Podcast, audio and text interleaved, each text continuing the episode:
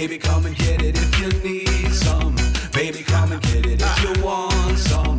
Baby, come and get it if you need. Just come and get it. Welkom bij de podcast van ComeGetIT.nl, het IT-kennisportaal van Nederland. Met Martijn Verheij, Sander Bruis en Sander Hartog.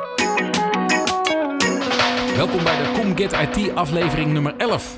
Deze aflevering staat Erwin Derksen centraal. Uh, Erwin uh, praat ons bij over Active Directory en al zijn vormen. Erwin is al eens eerder te gast geweest. Sander? Zeker. Ja, hè? Ja, nee, we hebben Erwin te gast of uh, achter de microfoon gehad op uh, Express Live. Nou, eigenlijk gezegd, we hebben gewoon hem letterlijk voor een microfoon ja, gedrukt. daar had ook geen keuze in. Had ook geen, was geen, geen keuze, keuze voor de rest. Ik, maar uh, ja, dus behaagde het ons omdat we, nou mag ik zeggen, ik hoop voor jou ook een heel leuk gesprek gehad hebben toen. En we dachten, nou dat lijkt een, een uitgelezen mogelijkheid en kandidaat om in de reguliere uitzending, om inderdaad over Active Directory in al zijn iteraties tegenwoordig, want het gaat alle kanten op om daar verder over te praten. Dus Erwin, welkom. Ja, ja dankjewel. Uh, de moeilijkste vraag van deze hele aflevering. Wie is Erwin? Ja. Uh, wie is Erwin? Ja. Uh, Erwin is iemand die sinds 99 al in de ICT zit. Dus uh, loop al een tijdje mee. Ja. Altijd heel veel gedaan met uh, Active Directory. Je bent er dus vanaf het begin al bij, hoor. Ja, want Active Directory, ik vertelde het ook in mijn sessies dit jaar, uh, bestaat eigenlijk 20 jaar. Ja. Want is gelanceerd destijds met Windows 2000 toen dat uitkwam, eind 99. Uh, en is eigenlijk een van de weinige technieken die min of meer onveranderd al zo lang meegaat. Precies. Dus ik ben ook al heel oud. uh, ik doe altijd infrastructuurprojecten. En ik uh, heb sinds drie jaar een eigen bedrijf waarmee ik dat doe. en dat is voornamelijk ja, infrastructuur, Active Directory, Windows 10, Office 365.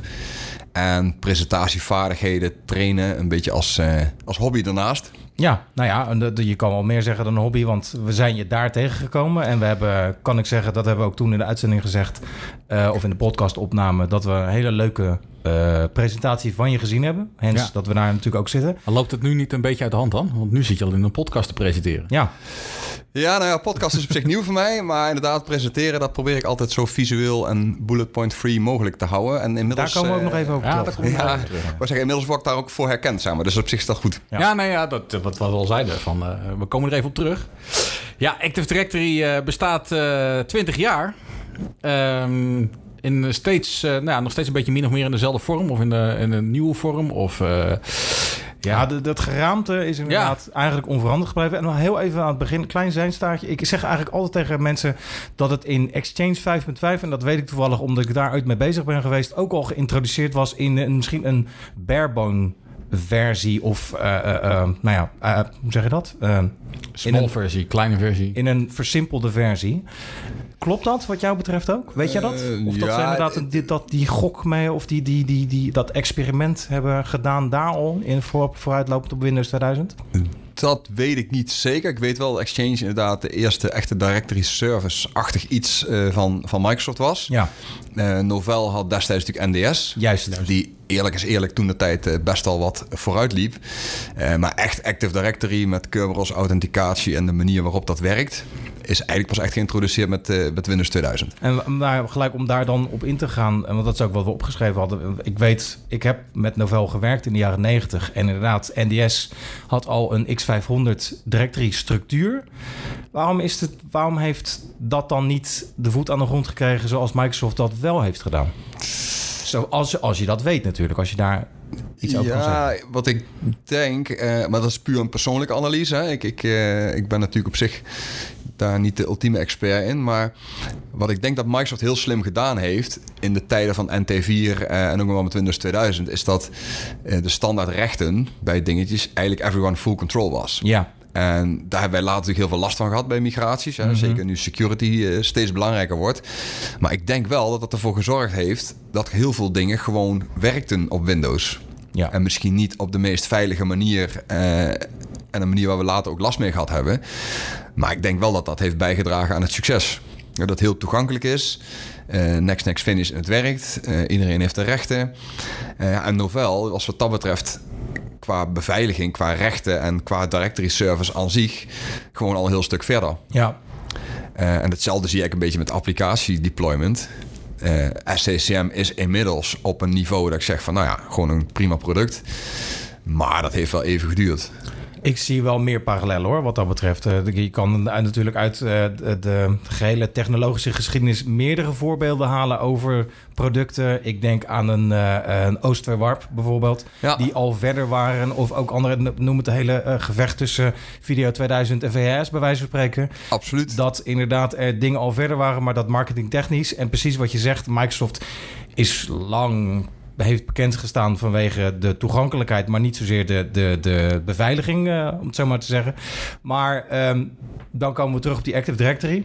Bestaat dus wel al 20 jaar in een min of meer dezelfde vorm. Waarom is het daar dan wel goed gegaan, wat jou betreft? Ja, wat ze met Active Directory denk ik heel slim gedaan hebben, is dat ze een, ehm, een mechanisme hebben geïntroduceerd waarin je structuur kunt aanbrengen. Dus eh, heel veel bedrijven hebben in het verleden hun organisatiestructuur in Active Directory nagebouwd. Je kon OU's maken. eh, ja, en dat is natuurlijk een, een veel dynamischer structuur dan wat je destijds met NT4 kon. Ja, En wat je kon doen met grote omgevingen. Dat je in het begin was het in de mode om meerdere domeinen te maken. Die in een forest te hangen. Zodat je toch in één omgeving alles kunt beheren. Dus stel je hebt een moedermaatschappij met een aantal onderliggende bedrijven. Ja, dan was het vrij simpel mogelijk om resources van het moederbedrijf te delen. Ja. En dan gebruik te maken van de identiteiten die al in de onderliggende domeinen aanwezig waren. Dat is een beetje wat je nu ja, misschien in iets andere vorm terugziet in, eh, in Azure B2B. Is dat je een bestaande identity gewoon hergebruikt. ja. eh, bij Active Directory dan in een ander domein, zeg maar. En wat ik ook wel heel positief vind, is dat het eigenlijk vanaf dag één heel erg stabiel en betrouwbaar is gebleken. zeker. Ik heb in de presentaties, laat ik, eh, afhankelijk van hoeveel tijd ik heb, laat ik een foto zien van een hele oude Mercedes diesel. Eh, legendarische 300D. Ja, dat is een motorblok dat draait gewoon probleemloos een miljoen kilometers. Ja. Ook als je het onderhoud eh, verwaarloost. Hè, want die metafoor maak ik dan. Het is betrouwbaar. Nou, er zijn wel meer motoren betrouwbaar, maar er zijn niet zo heel veel motoren die ook betrouwbaar blijven. Op het moment dat je het onderhoud verwaarloost of dat je gewoon domweg verkeerde dingen doet. Eh, ik heb heel veel AD Health scans gedaan en dan zie je toch dat er hele domme dingen gebeuren. Of dat eventlogs jarenlang volstaan met foutmeldingen en allerlei gekkigheid. En toch blijft die AD functioneren. Ja, En ik denk dat dat ook wel bij heeft gedragen aan het succes. En daartoe gedragen dat we het nu nog steeds, eh, ja, toch in vrijwel elk bedrijf gewoon gebruiken. Maar heeft die AD nog verdere ontwikkeling nodig? Ja, dat vind ik lastig. Eh, je ziet natuurlijk de move naar de cloud. Eh, die is heel duidelijk. Ja. Maar in, in Azure AD, ja, daar is nog enorm veel ruimte voor ontwikkeling. Dat zie je nu ook gebeuren. Als we naar Ignite kijken, dan zie je dat er ook heel veel is aangekondigd. Eigenlijk uitsluitend op Azure AD. En Active Directory op zich, ja, ik, ik heb zelf het idee dat het wel een beetje uitontwikkeld is. Maar laten ze dan, pakken ze dan nu de nou ja, minpunten op die misschien nog in Active Directory aanwezig zijn en hebben ze dan het speelveld in Azure om dat nou ja, recht te breien, eh, glad te strijken, hoe je, het maar, hoe je het maar wil noemen? Of is het puur omdat het een andere omgeving is dat er andere dingen mogelijk zijn, wat wellicht on-premise niet mogelijk is? Hoe moet, je, hoe moet ik dat zien wat jou betreft? Ja, dat vind ik een lastig, want Azure AD is op zich qua structuur platter. Ja, Hè, Je hebt bijvoorbeeld daar geen OO-structuur. Eh, je hebt er ook minder beheer aan, minder invloed op. Je hoeft nergens over na te denken. Niet over replicatie, niet over het, het bijhouden van domeincontrollers en dat soort dingen. Eh, dus Azure is gewoon een heel andere tak van sport. Eh, heel veel klanten denken dat AD en Azure AD dat dat hetzelfde is. Maar Ja. het is een totaal andere, andere techniek, een andere tak van sport. Ja, we- ik zou zeggen, want we hebben drie vormen van Active Directory, hoor ik je zeggen. Je hebt Azure Active Directory. We hebben natuurlijk de Azure of de, eh, de Active Directory zoals we die on-premise kennen. En Ja, de nieuwste telkens is dus Azure Active Directory Domain Services. Dus we gaan van AD naar AAD naar AAD DS. We hadden nog wat letters over in het alfabet. Ja, Precies. en hoe leg je dat uit aan een klant die Ja. daar... Die daar voor mij vind ik het al verwarrend, eerlijk gezegd. We hadden het voorgesprek er heel even over... Nou, toen struikelden, struikelden we over de letters en de lettergrepen, bij wijze van spreken. Eh, hoe leg je dat inderdaad voor aan een klant? En dat je zeg je ook van, nou ja, eh, hey, eh, leuk dat eh, die, die on-premise Active Directory. Dan kan ik me voorstellen dat je de Azure AD redelijk makkelijk... maar dan de AADDS, dus de, de extra letters toegevoegd. Hoe, hoe vlieg je dat aan wat jou betreft? Ja, die, kijk, die vraag natuurlijk wel vaker gehad. En ik, ik heb natuurlijk een historie in Active Directory. Ja. Dus ik heb eigenlijk bedacht van, nou, ik maak daar gewoon een, een, een sessie van, een presentatie van. Eh, en elementen daarvan gebruik ik om klanten uit te leggen van wat het verschil is en waar ze het voor kunnen inzetten. Want heel veel klanten denken al dat Azure AD hetzelfde is. En bij Azure AD Domain Services denken ze natuurlijk al helemaal van... oh, dat is gewoon een kopietje van mijn Active Directory. Ja. Wat het technisch gezien... eh, ja, het zijn technisch gezien echt wel twee verschillende dingen. Dus eh, wat ik gebruik is die, de plaatjes en de schema's uit die presentatie... gebruik ik eigenlijk om klanten duidelijk te maken van... Joh, dit is hoe het werkt. En op het moment dat je uitlegt van nou... Active Directory synchroniseert naar Azure Active Directory... en van daaruit wordt domain services gevuld... dan snappen de meeste klanten wel van... hey, dat zijn dus wel twee verschillende dingen... Eh, alleen ja, verwarrend is dat ze bijvoorbeeld dezelfde naam kunnen hebben. Dus je moet echt het technische concept uitleggen. Ja. En ja, dan snapt men wel waar je het voor kunt gebruiken en, en hoe dat, dat werkt en wat de limieten zijn. Ja, nee, ja, limieten zeker. Eh, want dat, eh, dat zit het. Maar eh, is het nog... is, het het is bijna onmogelijk dat de AD nog wordt vervangen door een concurrent, denk ik. Nou, kijk, ik denk die Active Directory on-premises... Ik denk dat daar niet heel veel meer mee gebeurt. Is er wel een concurrent, vraag ik me eigenlijk af. Sorry dat ik je even Maar volgens mij is Novell weer hard bezig om eh Oh, Oké, te toch wel. ontwikkelen. Toch maar- wel. Ja, hij heeft nog steeds die directory service van Novell slash Microfocus volgens mij. Ja, Die hebben nog steeds een, eh, een, eh, een directory service en ook een, een ZenWorks principe voor applicatie deployment. Ik moet zeggen, daar hou ik me niet mee bezig, dus ik weet daar niet zo heel veel Nee, van. nee, nee. nee. Wat ik er wel van weet, is dat klanten die dat hebben, daar eigenlijk bijzonder tevreden over zijn. Eh, en waar SCCM in het verleden, wat mij betreft, toch wel echt serieuze steken liet vallen, eh, zag je dat bij die producten veel minder. Ja. Dus de klanten die daarmee werken met een novel eh, equivalent, die zijn er eigenlijk zonder uitzondering tevreden over. Maar dan moet ik wel bij zeggen, speelt misschien ook een psychologisch effect mee. Omdat het niet Microsoft is, zijn mensen al snel fan. En Ja. dan zie je misschien ook niet tekortkomingen van het product. Want ik heb ook wel implementaties gezien, identity management bijvoorbeeld met Microfocus, die waanzinnig complex waren. Waarvan ik denk, ja, daar moet je wel echt heel diep in zitten. Wil je dat onder controle houden, zeg maar. Ja, het, het gras is altijd groener natuurlijk ook bij de... Ja, daarom. Dus op zich, ik denk dat Microsoft anno nu met Active Directory, SCCM, dat eigenlijk best wel goed voor elkaar heeft. Maar als we dan toch eens kijken weer terug naar die oude Mercedes. Die oude Mercedes, dat oude motorblok, hè, daar had je het over onderhoud. Daar had je het over, eh, de, nou ja, met name dat stukje onderhoud. Daar kun je een keer, eh, dat, eh, kun je een keer overslaan. Maar als we kijken naar security en toegankelijkheid, die oude Mercedes motor heeft maar één motorkap. En je kan er misschien nog bij vanuit de onderkant. Maar de Active Directory eh, security is toch wel wat eh, risicovoller, denk ik. En dan helemaal als je misschien in de cloud zet. Nou ja, wat je ziet is, eh, dingen worden steeds geavanceerder. Kijk, als je zo'n oude Mercedes motor hebt, die is qua constructie relatief simpel, maar gaat heel lang mee en is ook gebouwd met dat doel. Hè? Ja. We bouwen gewoon een motor die waanzinnig betrouwbaar is en heel lang meegaat. Eh, als je kijkt naar motorenbouw nu, dan is dat veel meer gericht op efficiëntie en op papier een laag brandstofverbruik. En ja, je ziet dat nu ook al wel gebeuren, dat de levensduur ja, minder relevant is. Ja. Ik vraag me overigens af hoe duurzaam dat uiteindelijk is. Maar je ziet gewoon, motoren worden niet meer gebouwd om 6, 7 ton mee te gaan. Nee, maar ik kan me ook voorstellen dat de Active Directory niet met die gedachte wellicht... eh, ik, kan me natuurlijk, ik weet het gedachteproces niet van Microsoft, zeker niet eh, voor het jaar 2000. Ja, een klein beetje, maar niet wat dat betreft. Ehm, en ik kan me voorstellen dat ze toen iets gedacht van... nou, we hebben iets moois. We hebben inderdaad in NT4 hebben we verschillende domeinen. Nou, dat is toch onhandig. Ik kan me inderdaad de, de, de eilandjes nog herinneren uit die tijd. Ja. En dat men echt er blij mee was. Precies wat je zei. Om dat allemaal onder één nou, motorkap... maar eh, in hetzelfde eh, terminologie, termino, terminologie te blijven. Zelfde Eh, woorden. Ja. Ehm, maar dat, nou ja, het wellicht toch iets wat, dan ga ik het heel onaardig zeggen, uit de klauwen ge- ge- gegroeid is. eh, of uit de klauwen gelopen is. Ehm, en dat het, nou ja, ik zal niet zeggen een, een, een onbeheersbaar beest is geworden, maar dat het wel ergens naartoe veranderd is wat ze in ieder geval niet voorzien hadden. En wellicht ook een aantal eigenschappen. Kijk, we, we, zien allemaal de, de goede eigenschappen en hoe het allemaal toegepast wordt. Maar dat ook wel een aantal dingen dus eh, wellicht het een en ander tegenhoudt. Is, hoe zie je dat?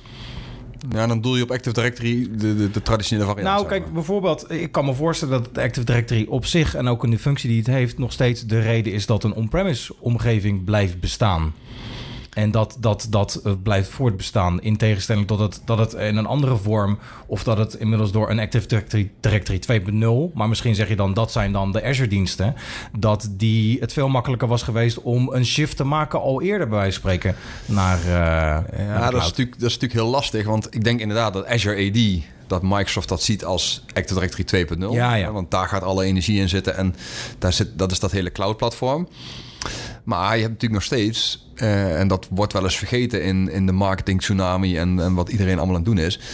je hebt natuurlijk gewoon bedrijven die hebben nog toepassingen voor lange termijn die je nog gewoon on-premise moet draaien, omdat Ja. die afhankelijk zijn van technieken die Azure AD nog niet biedt. Dus 16-bit en 8-bit applicaties die Ja, nog een beetje eens. rondzwerven. Maar gewoon authenticatiemechanismen. Er zijn natuurlijk best wel veel applicaties die je niet zomaar eh, vervangt. Nee, klopt. Hè, om de, het parallel met motoren te trekken. Kijk, een automotor, die zou je na vijf jaar bij wijze van spreken kunnen vervangen. Een scheepsdiesel, die gaat veel langer mee. Ja, En we hebben nog steeds COBOL-systemen draaien. Ja. Omdat dat gewoon robuust is en niet zo heel simpel te vervangen is. Dus ik verwacht met name voor grotere bedrijven...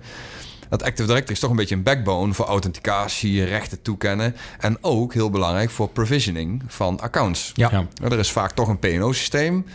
Eh, ik probeer er altijd naar te streven dat PNO verantwoordelijk is voor de juiste accountgegevens in AD. Ja, wij ook hoor. ja. Eh, vanuit, ja, precies. En vanuit AD breid je dat weer uit. ja. Ja. Hè, Dus ja, ik denk nog niet dat dat zomaar vervangen is, met name voor de grotere organisaties. Kijk, die kleintjes, en zeker bedrijven die nu beginnen, die hebben geen legacy. En dan kun je zeggen, joh, ik begin gewoon in de cloud en ik accepteer gewoon niet dat er nog iets niet-clouds bij komt. Ja. Ja.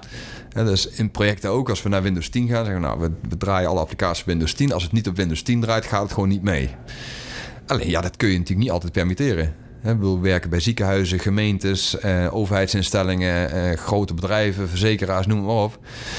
Ja, je kunt niet zomaar de core van zo'n bedrijf vervangen... omdat Microsoft toevallig wil dat we met z'n allen graag naar de cloud gaan. Maar zou je dat ook moeten willen? Is dan gelijk de vraag die in mij opkomt. Ja, dat weet ik niet. Is ik het denk, erg dat we over 20 jaar bij wijze van spreken nog steeds op die Active Directory draaien en dat soort organisaties? Nee, ik denk niet dat dat erg is. Ik denk dat je een splitsing krijgt, dat je systemen krijgt die heel erg betrouwbaar moeten zijn. Of die waar een organisatie echt op drijft. Die zijn vaak heel diep geïntegreerd. Kun je niet zomaar vervangen. Nou, ik denk dat dat soort systemen echt nog wel een aantal jaren blijven bestaan. Nou, en die cloud komt er gewoon naast. Ja, Ik in presentaties gebruikt wel eens de term oude wereld, nieuwe wereld. Heb je bijvoorbeeld een ziekenhuis. Die eh, hebben een hele scala aan medische applicaties. eh, gekoppeld aan medische apparatuur. Nou, dat zijn leveranciers die niet de middelen hebben of de moeite nemen om dat constant bij te werken in een tempo dat Microsoft dat doet, zeg maar. Dat kan ook helemaal niet. Aan de andere kant heb je die hele cloud-ontwikkeling. Ja, die ontwikkeling gaat natuurlijk als een, als een razende op dit moment. Eh, ja, en ik denk dat die twee naast elkaar blijven bestaan. ja. Kijk, en voordat al die, nou ja, laten we dat ziekenhuis als voorbeeld nemen, al die medische toepassingen gemigreerd zijn naar een SaaS-achtige oplossing, ja, dan ben je volgens mij eh, toch wel minstens vijf tot tien jaar verder. Nou, je noemde in. ehm, eh, even terugkijken naar ons gesprek op eh Express Live. Ik heb hem vanochtend nog eens na, na zitten luisteren en dat was, was wel leuk. Ehm, daar noemde je dat AADS, AA. Noemde- ADDS. Ja, nee, ik, ik weet even niet welke je noemde. Of de ADS was of Active, eh, volgens mij Azure Domain Services. Daar noemde je dat ADS eh, een goede optie is om legacy apps naar Ja. de cloud toe te brengen. Maar is dat dan ook niet meteen de valkuil en de rem om... Want eh, wat ik altijd geleerd heb, even heel hard gesteld... legacy apps, als ze niet kunnen upgraden, weg ermee. Uitfaseren, eh, vervangen door nieuwe. Is het niet een rem om juist dat te doen dan? Dat mensen lekker achterover kunnen zeggen... ah, nou, we hebben nou toch die, die ADS... daar kunnen we het lekker in de, naartoe shiften... en eh, liften en shiften... en klaar zijn we. Ja, ik denk, ik denk het niet eigenlijk. Ik het uitfaseren, dat is altijd mijn persoonlijke favoriet, hè? Ja, dat zijn van veel systeembeheerders, Ja, denk ik. Het ik zeg ook gewoon-. Met straffe hand de deltoets hanteren en gewoon weg met die Ja. zooi. Helaas denkt de business er altijd anders Ja, de over. praktijk wijst anders uit. Ja, het grappige is, ik, heb, eh, ik voer natuurlijk wel eens dat soort discussies. Dat je applicaties hebt waarvan je denkt van ja, wie, wie gebruikt dat? En dan blijkt vaak als je doorvraagt en echt vraagt van wie gebruikt die applicatie, waarvoor wordt dat gebruikt en is daar nou echt geen andere optie voor? Dan blijkt in heel veel gevallen dat dat wel degelijk kan. Dus stel je hebt 10 legacy apps waarvan mensen zeggen dat kunnen we absoluut niet zonder. En ik heb ze gezien hè, dat we ze uit gingen faseren tot en met acties op het prikbord aan toe van deze applicatie moet blijven. En daar komen dan twaalf enthousiaste handtekeningen onder. Vervolgens faseer je hem uit, hoor je er nooit meer wat van. Maar vaak kun je toch wel een aantal legacy apps wel uitfaseren. Gewoon door simpelweg door te vragen van joh, wie gebruikt dat? Waar wordt het voor gebruikt? Is het nog nodig? Ja, want Ja. vaak hebben mensen een kindje, zeg maar, hun favoriete applicatie willen ze niet zonder. Terwijl als je naar de, vanuit de business kijkt, dat dat prima kan. En dan kun je er al een aantal uitfaseren. En die dingen die je niet uit kunt faseren, eh, dus waar je echt niet zonder kunt, ja, daarvan kun je zeggen, vooropgesteld dat het bedrijf überhaupt een cloud transitie aan het doen is en dat als visie heeft, dan kun je zeggen van, nou ja, goed, deze applicatie hebben we absoluut nodig. Eh, we willen wel graag naar de cloud, dus we willen van die on-premise infrastructuur af. Ja. En dan is domain services een uitstekende optie. En ik heb ook al klanten die dat al doen. Die hebben bijvoorbeeld nog een SAP-omgeving. Die zeggen van nou, die SAP, daar is heel veel, eh, daar is heel veel in geïnvesteerd. Belangrijk voor ons primaire proces. Nou ja, telefonie hebben we uit de cloud. We gebruiken Office 365. Eh, we migreren onze fileserver naar SharePoint. Ja, wat hebben we nou eigenlijk nog nodig? We hebben op drie locaties wereldwijd hebben we servers staan. Die moet iemand onderhouden, moet iemand bijwerken. Kunnen we die niet naar de cloud verplaatsen? Ja. Nou ja, dat, zal, dat was begin 2018. Toen was deze dienst eh, gelanceerd. En ik zeg van, nou, daar kunnen we wel eens naar kijken. Kijk, en daar is die voor bedoeld. Dus daar draait nu een RDS-farm met SAP erop. Mensen die in SAP moeten werken, die maken gewoon verbinding via de webgateway. En die bewerkt gewoon in die applicatie. En on-premises is alleen nog maar een, eh, een, een wifi en een snelle internetverbinding. Ja, ja. Nou, dus je zegt eigenlijk wel dat het nou ja, wellicht niet het excuus is om nog legacy apps te behouden, maar dat door de discussie aan te gaan, je in ieder geval het nodige kan laten uitfaseren door die bewustwording van joh, er is het een en ander aanwezig waar we iets mee moeten. Ja. Op z'n allerminst. Ja, wat ik vaak merk, en dat is niet alleen met applicaties, maar ook bijvoorbeeld met diensten die nog aanstaan. Klanten die komen van Google Apps bijvoorbeeld af, ja. Google G Suite. Eh, mensen die allerlei diensten in 365 hebben aangezet in het verleden en daar eigenlijk nooit serieus over hebben nagedacht. Nou, dan ga je kijken en dan zijn er voor het 100 groepen aangemaakt. En dan zeg je, ja, nee, ja, dat weet ik ook niet waar dat voor is. Zeg, nou, dan moet je dat uit gaan zoeken. Want we hebben beleid ontwikkeld wat we met 365 gaan doen. Ruim die groepen gewoon op als ze niet gebruikt worden. Nou, en als je dat, die discussie aangaat van joh, waar wordt het nou daadwerkelijk voor gebruikt? Nou, ja, dan blijkt vaak dat je de helft gewoon weg kunt gooien. Ja. En ik zeg altijd maar zo, alles wat je weggooit, kan nooit meer voor verwarring zorgen. Eh, en dat zie je ook gebeuren met applicatielijsten. Ja, dan krijg je een lijst met 500 applicaties, blijft er uiteindelijk 300 over. Ja, dus in plaats van er klakkeloos 500 over te nemen, kun je met, door het gesprek aan te gaan en te vragen, van, joh, wat, wat doe je er nou echt mee? Ja. Kun je er gewoon 200 schrappen. Ja, dat vind ik wel interessant. Dat misschien nog niet eens de techniek op zich, maar het gesprek aan te gaan. In dit geval is dat dan door verbeterde techniek. Dat er dan weer, nou ja, laat ik zeggen, de spreekwoordelijke lijken uit de kast vallen hier en daar. Waar een heleboel mensen heel lang over doen om vooral weg te kijken en te denken van het bestaat niet of ik hoef er in ieder geval niks mee te doen. Wat misschien ook vervelend werk is, simpelweg. En dat het toch een goed excuus is om, nou ja, nogmaals dat gesprek aan te gaan en wellicht een verbeterslag te maken. Ja, en ik moet wel zeggen, dan helpt het wel als je extern bent. En verantwoordelijk ja. bent voor een project. Ja. Want dan kun je iets makkelijker zeggen van... joh, weet je, moeten we hier niet gewoon afscheid van nemen? Ja. Ja, want intern heb je natuurlijk te maken met politiek. Oh ja. Ja, als je heel hard zegt, die applicatie gaat weg... ja, je komt die collega toch weer tegen bij de koffieautomaat. En van een externe wordt dat toch iets makkelijker eh, geaccepteerd. Ja, En eh, ja, eerlijk is eerlijk, daar maak ik dan ook wel gebruik van... om ja, zo'n landschap gewoon te vereenvoudigen. Ik denk dat dat ook onze ervaring is. Nee, ja, absoluut. Ik sluit me daar helemaal bij aan. Eh, zeker. Als je eh, kijkt, nou ja, goed, ik, laat ik het zo stellen. Ik heb zelf die ervaring ook. Dat je dat, eh, op die manier die applicaties kunt, kunt wegpoetsen of kunt, kunt afpoetsen. Maar wat ik. eh, je praat al een paar keer over Active Directory, Azure Active Directory. Dat is echt een Active Directory vanuit Azure. Hè? Ja, Dat is, eh, is dat een, een bedieningsportaal vanuit een, een, een front-end portaal of een web? Of eh, zijn het gewoon native servers eigenlijk? nee, voor de, voor de Even voor de gebruikers, beeldvorming maar. terug, want eh, we kunnen nou lang over applicaties gaan. Ja, we gaan inderdaad heel erg. We gaan, we maar ik dwalen denk- enorm af. we dat- dwalen af, erg. maar dat is niet erg. Even terug, Azure Active Directory. Eh, wat is het eigenlijk? Ja, Nou ja, het is gewoon een directory service. Dus eigenlijk een, een tabel met users en groepen. Zoals we die gezegd. kennen uit Active Directory? Eh, nou ja, je users en groepen kun je vanuit Active Directory eh, synchroniseren. Dus in die zin lijkt het op Active Directory. Maar je hebt bijvoorbeeld geen group policies, je hebt geen OU's, dat soort dingen niet. Dus eigenlijk is het gewoon een platte tabel met alle eh, user accounts en groepen.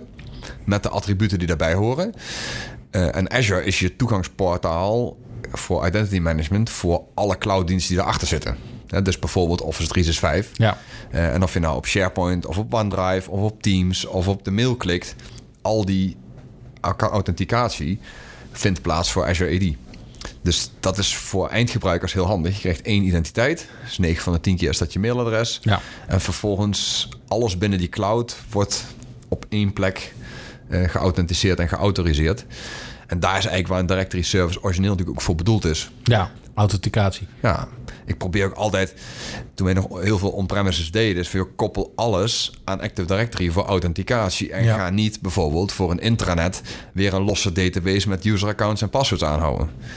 En want dat zie je nu in de security heel erg gebeuren. Men wil toe naar één identity, zoveel mogelijk, die vervolgens heel streng beveiligd wordt. Ja. Dus met een lang wachtwoord, MFA, eventueel biometrische eh, gegevens.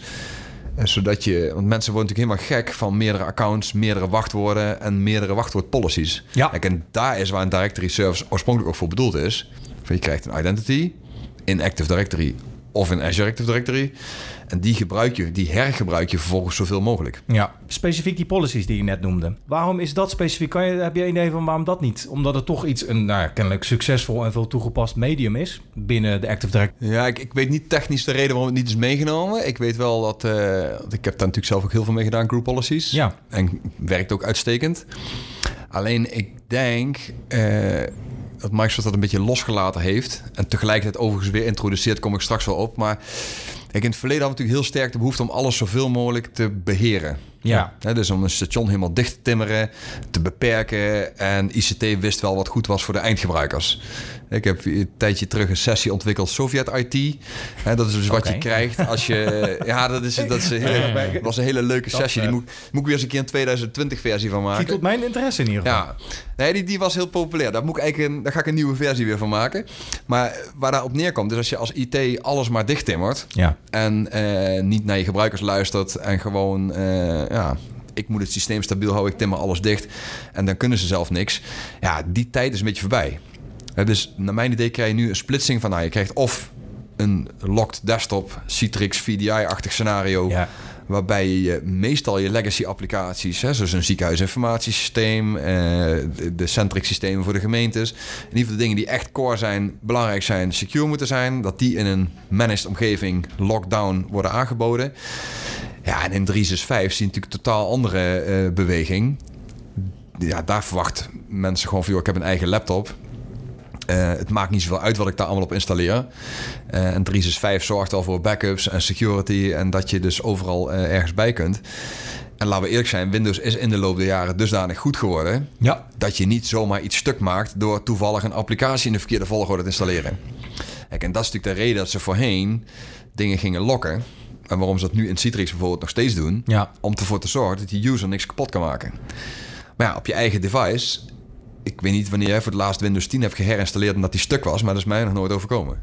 Nee, de laatste keer dat ik Windows opnieuw zelf heb moeten installeren op de klassieke manier van goh, hij, hij is nu zo stuk. Inderdaad, dat is, dat is al een hele tijd geleden. Maar ik, tegelijkertijd bedenk ik me dat de regelsets, om ze zo maar even te noemen, ook op een andere manier worden toegepast. Eigenlijk zoals jij zegt, dat wordt meer op je identiteit toegepast dan op het device waarop je zit, omdat je hebt, nou ja, ik, Microsoft ook weet ook heel goed inmiddels, en dat weten we allemaal, dat het niet meer tot een laptop of een desktop eh, eh, beperkt is, maar nou ja, je smartphone, je tablet enzovoort enzovoort.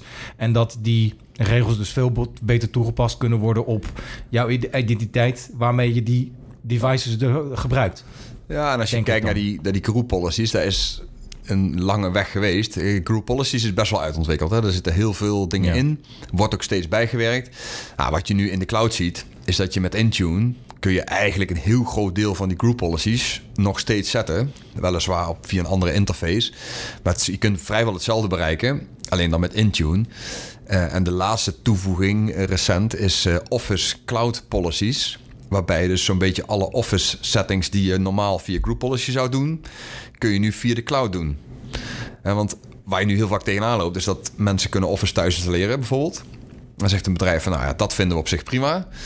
Maar we willen niet dat je vanuit huis rechtstreeks bij OneDrive kunt. Precies. Nou ja, dat kun je dus tegenwoordig met zo'n cloud policy kun je dat dan blokkeren. Dus Ja. je ziet het group policy, ze hebben het eerst een beetje losgelaten van nou ja, we, we willen minder managen. Je ziet nou toch dat het ook weer een beetje terugkomt. Want bedrijven soms toch wel settings wel weer kunnen, willen kunnen managen. Nou, dat, dat, jij stelde de vraag eigenlijk. En ik denk, ik blijf even rustig. Maar eh, volgens mij zie je gewoon de verschuiving van de group policies naar een Intune-achtige oplossing Ja. komen. Omdat group policy, wat je zegt, te beperkt wordt in, in, hè, in de mogelijkheden. Devices zijn steeds vaker uit de deur. Want dat is natuurlijk ook gewoon, eh laat ik zeggen, de beperking van Active Directory. Daarom zie je ook de verschuiving naar de cloud. Ja. Hè, eh, kijk, als we naar onszelf kijken, denk ik, nou, hoe vaak kom jij nog op een kantoor? Of tenminste, hoe vaak kom jij nog binnen, een- binnen je bedrijf? eh, eigenlijk feitelijk gezien op een Active Directory aanmelding. Dat zal heel beperkt zijn. Ja, dus ik denk dat je die verschuiving steeds meer naar de Intune ziet gaan. Ja, ook omdat mensen eigen devices gaan gebruiken. Hè. Mensen willen MacBook Ja. gebruiken. Ja. Ik zelf zit denk ik al weet ik hoeveel jaar niet meer in een domein. Eh, ja, de wereld is gewoon veranderd. Ja. Mensen hebben verschillende devices, willen eigen devices toekennen. Nou ja, en om dat dan toch te kunnen doen op een moderne manier, wat Microsoft dan modern management noemt. Nou ja, dan heb je in plaats van een Active Directory lidmaatschap bij je registered of joined aan Azure AD. Ja, Ja. inderdaad, ja. En dan, eh, ja, dan, dan kun je dus met Intune allerlei dingen doen. Wat is dan nog de use case voor Azure Active Directory? Of wat is de use case waar je Azure Active Directory het beste kunt voor nog eh, voor in kunt zetten? Of kunt inzetten?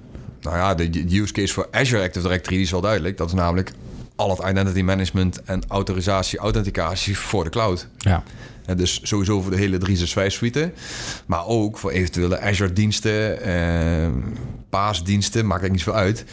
Alles wat je binnen dat Microsoft platform doet, dat kun je met Azure Active Directory. Het moet wel binnen het Microsoft platform zijn. Je kan niet ergens een VPSje afnemen bij Amazon. En Nou, denk- volgens mij kun je dat ook wel koppelen, maar het, is daar in ieder geval primair voor bedoeld. ja, precies. Dus het is eigenlijk Active Directory voor de cloud. Vandaar ook de naam Azure Active Directory. Eh, ja, dat je Nou, dat daar dan voor kunt gebruiken. We hebben inmiddels natuurlijk de terugblik op de Ignite eh, van 2019 gehad... waar jij ook eh, te gast bent geweest samen met Maarten Ekels. Ja, Maar daar is onder andere Azure Arc ook aangekondigd. Ik, ik, dat is even, ik- daar, daar hebben we het ook over gehad in die uitzending.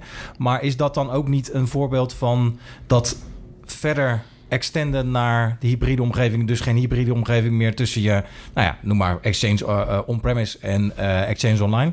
Maar ook naar AWS en dergelijke. Is dat iets wat dat ook, wat daar ook eh, bij helpt uiteindelijk? Nou ja kijk, ik denk dat In de use Microsoft case dus, hè, bedoel ik. ik denk dat Microsoft ook wel inziet dat niet, ze hebben niet de perfecte oplossing voor alles.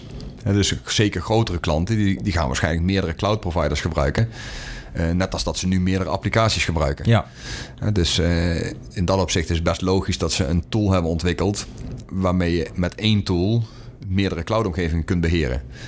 En daar, daar zijn ze ook al een tijdje mee bezig. Plus dat er natuurlijk nog bedrijven zijn die met een Azure Stack-achtige setting... dingen in hun eigen datacenter willen hosten... ja. Eh, maar wel op dezelfde manier willen beheren. Nou, en, daar is volgens mij waar ARC een beetje voor bedoeld is. Om, eh, ja, als je diensten van meerdere cloud providers afneemt, om dat toch eh, goed te kunnen beheren. Ja, ik, ik heb dan eigenlijk toch nog steeds een brandende vraag. En dat is, eh, bestaat Active Directory over 20 jaar nog steeds in min of meer in dezelfde vorm? Als, je, als we vanuit jouw discipline, kennisgebied gaan kijken, zichtgebied. Nou, is 20 jaar is natuurlijk heel lang. Maar ik, ja, ik, Hoe oud zijn we dan allemaal? Nou, dat wil ik niet weten. Ja, daar gaan we niet over hebben. Maar ja, ik- 20 jaar is natuurlijk heel ver vooruit. Maar ik denk over 10 jaar zeker nog. En ja, ik verwacht eigenlijk over 20 jaar ook nog wel. Alleen niet meer bij elk bedrijf. Nee. Ik denk dat er over, over 20 jaar nog bij de hele grote, grote organisaties, misschien de ziekenhuizen, verzekeraars, banken, eh, dat het daar nog wel aanwezig is. Een beetje wat we met COBOL en, en Ja. oldschool talen nu hebben, zeg maar. Eh, dus ik, ja, ik denk ook wel dat dat bestaat. Kijk, en in hoeverre Microsoft dat zelf nog doorontwikkelt on-premise. Kijk, het zit natuurlijk gewoon nog in server 2019 Ja. is natuurlijk de vraag voor hoe lang Microsoft nog doorgaat met het ontwikkelen van on-premise eh, producten. Eh, maar goed, als Microsoft dat nog blijft doen, dan verwacht ik wel dat dat nog eh, een tijdje zo Ik doorgaat. denk, ik denk dat ze stiekem nog wel een beetje doorgaan. Of ze gaan op twee. Ja, je hebt natuurlijk die niet meer Windows Server variant. Hè, die eigenlijk net zo ga- snel meegaat in de releases als Windows 10. Wat Ja. eigenlijk zeg maar een meer stabieler platform moet zijn. Maar wel met reguliere. eh, Ja. Ja, wat Microsoft natuurlijk doet, is ze ontwikkelen primair voor Azure. Ja. want Windows Server is natuurlijk ook eh, onderlaag voor Azure. Eh, en ze brengen dan toevallig ook nog een on-premise versie uit, omdat klanten daarom vragen. En Ja. Dat zie je aan Exchange, dat zie je aan Ja. Windows, dat zie je aan andere producten ook. En ik denk, zolang er nog vraag is naar on-premise producten, dat eh, Microsoft daar nog wel naar luistert en dat ook uitbrengt. En je ziet dat in sommige dingen ook wel terug, hè, wat ik vorige keer in die Ignite-podcast ook al aan heb gegeven, dat ze bijvoorbeeld OneNote 2016 weer terug in support Ja. nemen. Dus ze hebben vorig, vorig jaar geroepen dat gaat eruit en iedereen moet naar de Windows 10 app en bladibla. Ja, er zijn toch heel veel klanten die zeggen van joh, wij werken niet alleen in de cloud. Eh, we hebben mensen opgeleid. We willen gewoon die OneNote 2016 houden. Ja. Ja, dan zie je toch dat Microsoft daar uiteindelijk naar luistert. En dan ineens vanuit het niets een berichtje de, de wereld instuurt van... oh, by the way, OneNote 2016 komt terug. Eh, in maart 2020 zit het weer in Office. Eh, en het is weer in support tot 2025. Ja. Ja, ik vind dat op zich humor.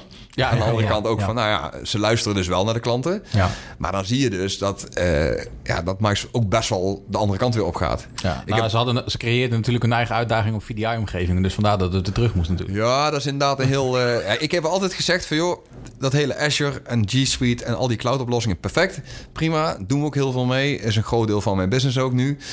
Maar ik zeg, als het een week lang op rij slecht in nieuws in het 8 uur journaal, omdat er een dikke storing is of een dikke hack is of whatever wat er kan gebeuren, dan zie je bedrijven ook wel weer zo in staat dat ze weer heel snel terug on-premise gaan. Ja. Ja, want je ziet ook die golfbewegingen, wel Citrix, dan weer Fat Clients, dan weer een Citrix, dan Ja. weer Fat Clients. Zo'n golfbeweging is er eigenlijk altijd wel. Dus ik zou er op zich ook niet van staan te kijken als het een keer helemaal uit de hand loopt met die cloud. Wat natuurlijk ooit een keer kan gebeuren. En met 365 overigens ook al een paar keer gebeurd is. Ja. Eh, ja, als dat een aantal keren gebeurt, dat bedrijven ook wel zeggen van... hé, hey, wacht, we gaan het toch weer zelf doen. Nou ja, we kunnen het nu ons nog niet voorstellen, maar er komt een moment dat ook de huidige technieken die wij als nou ja, eh, vooruitstrevend eh, ervaren alweer verouderd zijn. Eh, dus een clouddiensten zullen daar ook onder gaan vallen. Maar je noemt het met specifiek COBOL. Ik weet wel dat de COBOL programmeurs nu nou bijna letterlijk uitgestorven zijn terwijl Ja. de systemen nog draaien. Ik denk dat over de Active Directory nog wel wat specialisten rondlopen over 20 jaar. Dus ik denk dat dat misschien het grote verschil is. Ja, maar die worden ook dan over 20 jaar beter betaald... omdat de kennis Active Directory gewoon een stuk minder wordt. Ja. Ja, dus misschien dat we over 20 jaar gewoon die legacy kennis alsnog uit de doos kunnen halen. En dat ik dan eh, documentjes uit de 2003 of zo eh, weer tevoorschijn kan halen van... goh, hoe deden we dat ook alweer? Precies. Ja, dat- precies. Nou, ieder geval nou heb ik het gevoel dat ik de jongste ben aan tafel... dus ik zie een potentiële carrière nog steeds. Ik heb ooit een docent op de HAO gehad die zegt van... joh, weet je wat jij moet doen? Je moet COBOL gaan leren, want daar is heel veel vraag naar. Ja. Toen dacht ik bij mezelf, dat nooit van mijn leven. Had hij, had hij een baard? Hij had een baard en een heel suf attaché-koffertje. En hij was me altijd trots op zijn zogenaamde praktijkervaring... die volgens mij ook al een jaartje of dertig Ja, geleden was. Maar ja, goed, ja, ja. dat geheel terzijde. Laatste vraag. Een beetje samenvatten wat we in de afgelopen tijd hebben besproken. Maar eh, we hebben drie varianten van Active Directory. Kun je ze kort nog een keer toelichten? Ja, we hebben dus eh, AD, Active Directory, zoals iedereen dat kent... en zoals dat min of meer in, eh in Waar we- geëvalueerde vorm sinds Windows 2000 bestaat. Waar Dus- we vanuit gaan dat iedereen het kent. Ja, en als je dat niet kent eh, en, en naar deze podcast luistert, onder welke steen heb je het dan gelegen? de Ja, ik wou net 20 zeggen, dan, eh, dan moeten we misschien naar andere oplossingen Ja. kijken. Nee, maar dat, Maar, kent, dat luisteraar kent dat. Ja. Zeker weten. Ja, dus AD is bekend. Dan hebben we de, de relatief nieuwe Azure Active Directory. Dus de AAD, dat is eigenlijk de Active Directory van de cloud. Hè, Van Azure, van Office 365. Waarbij de meeste bedrijven met Azure AD Connect... een synchronisatie opzetten van hun Active Directory naar Azure Active Directory. Indeed. Eh, en dat zijn dus twee verschillende dingen. Nou, de nieuwste telkens is AAD-DS, dus Azure Active Directory Domain Services. En wat dat eigenlijk is, heel kort samengevat, is een virtueel netwerk in Azure. Waarin je twee domeincontrollers krijgt die volledig door Microsoft gemanaged worden. Waarin je DNS hebt, group policies hebt, load balancing, et cetera, et cetera. Dus eigenlijk Active Directory as a Service in Azure. Dus een virtueel netwerk in Azure. Eh, in dat virtuele netwerk kun je vervolgens eh, machines toevoegen. Die maak je domain member. En die worden dus domain member van Azure Active Directory Domain Services domein. Eh, dat domein kan dezelfde naam hebben, hoeft niet. Maar het is dus een losse Active Directory in Azure waar machines lid van zijn. En doordat ze daar lid van zijn, kunnen alle legacy technieken in Active Directory gebruikt worden. Ja. En dus kun je daar legacy applicaties draaien. Eh, en wat is dan de use case? Nou ja, wat ik nu tot nu toe het meeste gezien heb, is dat ze in Azure Active Directory Domain Services een eh, remote desktop farm inrichten of een Citrix farm. Eh, eventueel applicatieservers, SQL servers of oudere versies van dat. En daar gewoon hun applicatie draaien. En dat gebruikers dus gewoon via een webportaal die applicatie starten. Ja. Eh, en dan heb je dus gewoon een applicatie die overweg kan met Legacy Active Directory... zonder dat je iets on-premise nodig hebt. Eh, dus het kan net het laatste setje zijn voor eh, cloud adoptie. Dus dat is de echte vervanging van de on-premise AD dan, zou je zeggen. Ik, ik- stel je hebt als bedrijf de visie, we gaan naar de cloud. Prima, dan ga je natuurlijk kijken wat daarvoor nodig is en wat heb ik nu. Je probeert zoveel mogelijk uit te faseren. Je probeert je file servers, home drives, dat gaat allemaal naar SharePoint, OneDrive of naar G Suite. hè, Dat kan natuurlijk ook. Ja. Eh, en vervolgens hou je nog een paar dingen over. En denk je van ja, die moet eigenlijk domeinmember zijn. Maar ja, we willen geen domein meer on-premise hebben. Eh, de laptops zijn allemaal al door Intune gemanagede eh, cloud devices. Niet alleen laptops, ook maar andere mobiele apparaten zie. Ja, of telefoons of wat dan ook. Ja, Ja, goed. En om die legacy applicatie te laten draaien, kun je AADS inzetten. En dan heb je toch een, eh, ja, een oplossing die met relatief weinig management, want je hoeft er niks aan te managen, eh, kun je applicatie draaien. dus dat zou misschien nog dan de grootste kans zijn voor de iteratie of de versie van Active Directory die over 20 jaar, waar we het eerder, hè, om nog even terug hebben, daarom denk ik dat dan misschien nog het meest waarschijnlijk is dat die op die manier eh, voort blijft staan. Ja, kijk, ik denk dat die, die legacy apps die worden daarin gedraaid totdat ze weg kunnen. En ik denk de echt hele grote jongens, dat die nog wel voorlopig een Active Directory on-premise zullen houden. Precies. Ja. Nou ja, dan wou ik eh, naar het laatste feestje. En het ja. laatste feestje, dat zijn de drie vragen die wij je niet toegezonden hebben. Nee, dat is mijn feestje. Dat is jouw feestje. We hebben ze in een envelop gestopt. Ja. Eh, je mag er eentje eh, uit kiezen. Ja. Ehm, iedereen kiest de gulden middenweg. Gulden middenweg. Ja, maar nou Kun je doen? Ja, nou Nee, geef nee, nee, nee, dat gaan we niet Maar doen. dan geef ik het al weg. Ik, Eh, eh, inderdaad, het is eh, een linker, een midden en een rechter envelop. U eh, staat heel vrij om te kiezen naar uw eigen inzicht. maar het is eigenlijk de vraag die wij eigenlijk niet durfden te stellen. Dus we doen ze maar Niet, ja, precies. We doen Ik net er gewoon een blind eentje, oké? Ja, gewoon- want, eh, pak Ik gewoon pak in. gewoon blind Ja. eentje zo. Hartstikke En dan heb ik hier een... eh, Voor de luisteraar, Ja. dit keer hem, eh, niet de middelste. Nee. Het is niet de middelste. Nee, nee, nee. nee. Ja, dat is ook een beetje... Nou, voordeel tevens nadeel. Ik ben meestal niet middle of the road, zeg maar. Kijk, Nee, nou, nee, dat, nee. dat, eh, dus ik zeg, lees we kunnen hem ook niet aan je politieke voorkeur hangen. Dus, eh, Nee, dat, Nee. Dat, dat, dat hoeft op zich ook niet. Nee, maar ik ben wel iemand die graag dingen een beetje anders doet. Eh, ja, omdat de, de gewone weg is al zo vaak bewandeld. En meestal als ik op projecten terechtkom, dan eh, is daar iets meer aan de hand. Nou, dus dan zul je toch een creatieve methode moeten verzinnen om dingen weer aan de praat te krijgen. Laten we hopen dat de vraag er aan op aansluit dan. Oeh, dit is leuk. Even kijken, de vraag is... Als ik zelf een presentatie te lang vind duren... of als hij te veel bullet points heeft... dan loop ik gewoon weg. Punt. En dan even voor de luisteraar die misschien niet de Experts Live uitzending heeft gehoord. Daarin eh, eh, constateerden we namelijk naar aanleiding van jouw presentatie dat die lekker kort was en to the point. Eh, zoals je zelf aan het begin zei, presentatie zonder bullet point. Daar zijn we allebei een groot fan van. ja. Dus ja, dan is de vraag inderdaad, hoe ga je er zelf mee om als je je verveeld voelt, bij wijze van spreken? Ja, dat vind ik, dat vind ik lastig. Want eh, kijk, als het echt heel slecht is... en dus als de combinatie van een slechte spreker... een matig onderwerp...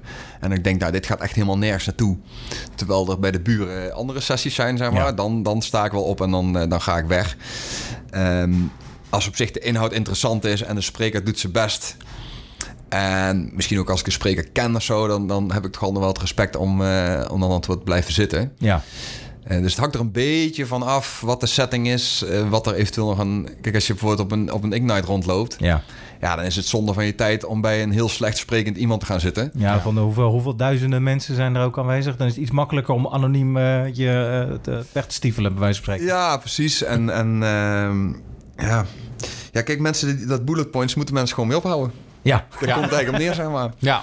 Dus ik zal wel, dat doe ik dan weer wel... ik zal wel naar zo iemand toelopen, na aflopen zeggen van... joh, het is best wel veel tekst. ja. ja en dan ja. check ik even in de non-verbale communicatie... of dat ze die hint begrijpen. Ja, ja, ja. Als ze me dan heel glazig aankijken, dan denk ik van... oké, dat... eh, En dan loop je alsnog weg. Ja, nee, maar op, op, zich weglopen, ja, weet je, ik snap het wel als mensen doen. Eh, ik bedoel, tijd is kostbaar, je wil zoveel mogelijk uit zo'n event halen. Maar ik doe het zelf niet heel snel, omdat ik het toch een beetje, eh, ja, ik zou het wel vervelend vinden voor de spreker, zeg maar. Ja, maar wat heeft je er uiteindelijk zelf toe? Is het gewoon puur jouw persoonlijkheid? Dat je dat format, hè? want nogmaals, wij hebben toen jouw presentatie was, ik denk, nou, ik denk was het, je had een uur, maar ik denk dat je in 50 minuten al wel gewoon Ja, klaar was. ja, ja, ja. En daarmee kan je natuurlijk ook wat ruimte laten voor vragen, et cetera. Maar wat heeft je doen besluiten ooit? Was het dat je jezelf je eigen presentaties te saai vond, eh, vond worden? Eh, of iets in die geest? Nou, ik, kijk, ik vond presenteren altijd leuk. Heb ik altijd leuk gevonden, ik altijd graag gedaan en ook veel gedaan. En dan eh, zoek ik altijd wel iets om het op een andere manier te doen dan wat de rest doet. Zodat je, zodat je verhaal beter blijft hangen. Ja. Nou, toen ben ik ooit eens bij Gar Reynolds terechtgekomen. Dat is een, best wel een goeroe op het gebied van, eh, van presentatietechnieken en hoe je boodschappen overbrengt. En die had een hele methode van, joh, hoe kun je nou zorgen dat een boodschap goed landt? Ja, want een presentatie is enerzijds overdragen van, van dingen. Ja. Maar het grootste deel is dat mensen zich welkom voelen en mensen jouw verhaal oppikken. Het uiteindelijk het doel van een presentatie is dat, je mensen iets, dat mensen iets gaan doen of dat mensen ergens overtuigd van raken. Ja. Als ik bijvoorbeeld presentatie geef over Azure Active Directory Domain Services, nou, dan is mijn einddoel als mensen de zaal uitlopen, van joh, dat mensen weten wat het is, hoe moeten ze het positioneren, dat ze een inschatting kunnen maken of het moeilijk is ja of nee en of ze het voor hun situatie kunnen gebruiken. En dat is volgens mij sowieso de essentie van een presentatie, dat je van tevoren nadenkt van goh, als mensen de zaal uitlopen, wat wil je ze dan meegeven? Precies. Kijk, en het makkelijkste is om achter je pc te gaan zitten en je hele brein te dumpen in allerlei tekst. Alleen talloze onderzoeken hebben gewoon aangetoond dat het gewoon niet werkt als je allemaal tekst op een slide zet en die vervolgens gaat voorlezen. Ja. Ja. Ja, dus dat is gewoon bewezen niet effectief. En toen dacht ik van ja, ik heb dat iets te vaak gezien. Dat is denk ik al een jaartje of wat geleden dat ik dat geconstateerd heb. Ik zeg, ik ga dat gewoon anders doen. En dat is soms best lastig, want je komt dan met een ander format en moeten mensen aan wennen. Ja. Ehm, maar het werkt wel enorm goed. En het grappige is, nu ik dat een aantal jaren doe, is dat mensen op een gegeven moment op een event kom je elkaar weer tegen. En die zeggen, joh, ik ben vorig jaar bij een sessie geweest. Toen had je een heel verhaal over geen bullet points en foto's en visuals en storytelling en dat soort dingen. Hij zei, ik heb dat gedaan. Eh, ik zei, top. Ik zei, daar ben ik al blij mee. Hè? Ja, Feedback, allemaal ja. leuk. Dat mensen jou, eh, eh, ja, overnemen, zeg maar. En vervolgens zei hij, en het mooiste is, hij zei, het werkt als een dolle. Ja. Ja. Nou, en je, je ziet dat wel, dat, dat vind ik dan leuk. Mooi. Ja. Nou ja, ik, ik denk dat het daarom ook een van de redenen is dat je een veelgevraagd spreker bent. Zoals ik, als ik je een beetje volg op LinkedIn, zie ik je van eh, links naar rechts gaan.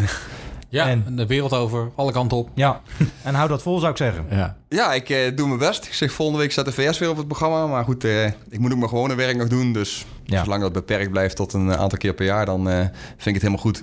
Mooi. Mooi, zo is het. Hey, ik zou zeggen bedankt voor het luisteren naar onze ComGet IT podcast. Eh, wij willen uiteraard eh, ja, onze gast eh, Erwin bedanken. Ehm, Erwin, waar kunnen we onder andere nog veel meer over jou vinden? Nou, ik denk als je gewoon googelt op Erwin Derksen... dan kom je van alles tegen qua sessies en blogposts en materiaal en dat soort dingen. Ehm, nou, ik wil in ieder geval bedanken voor de komst. Eh, ja, meer informatie over mij en Sander vind je uiteraard op comgetit.nl. Ja. Of natuurlijk gewoon via. LinkedIn. Zo is het. Maar ik wil ook nog even aanstippen. Jij hebt een heel aardig blog onder, onlangs geschreven Ja. over de historie van Active Directory. Staat De evolutie. uiteraard- eh, sorry, de evolutie van de Active Directory.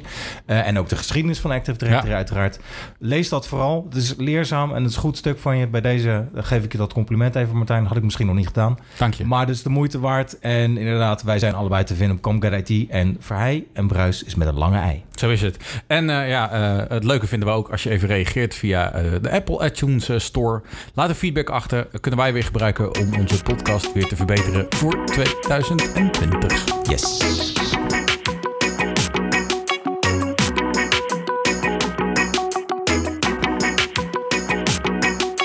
Bedankt voor het luisteren naar de podcast van CamGetIT.nl. Wil je meer weten? Heb je vragen, suggesties of opmerkingen? Bezoek dan onze website www.camgetit.nl. If you want some, baby, come and get it. If you need some, baby, come and get it. If you want some, baby, come and get it. If you need, just come and get it.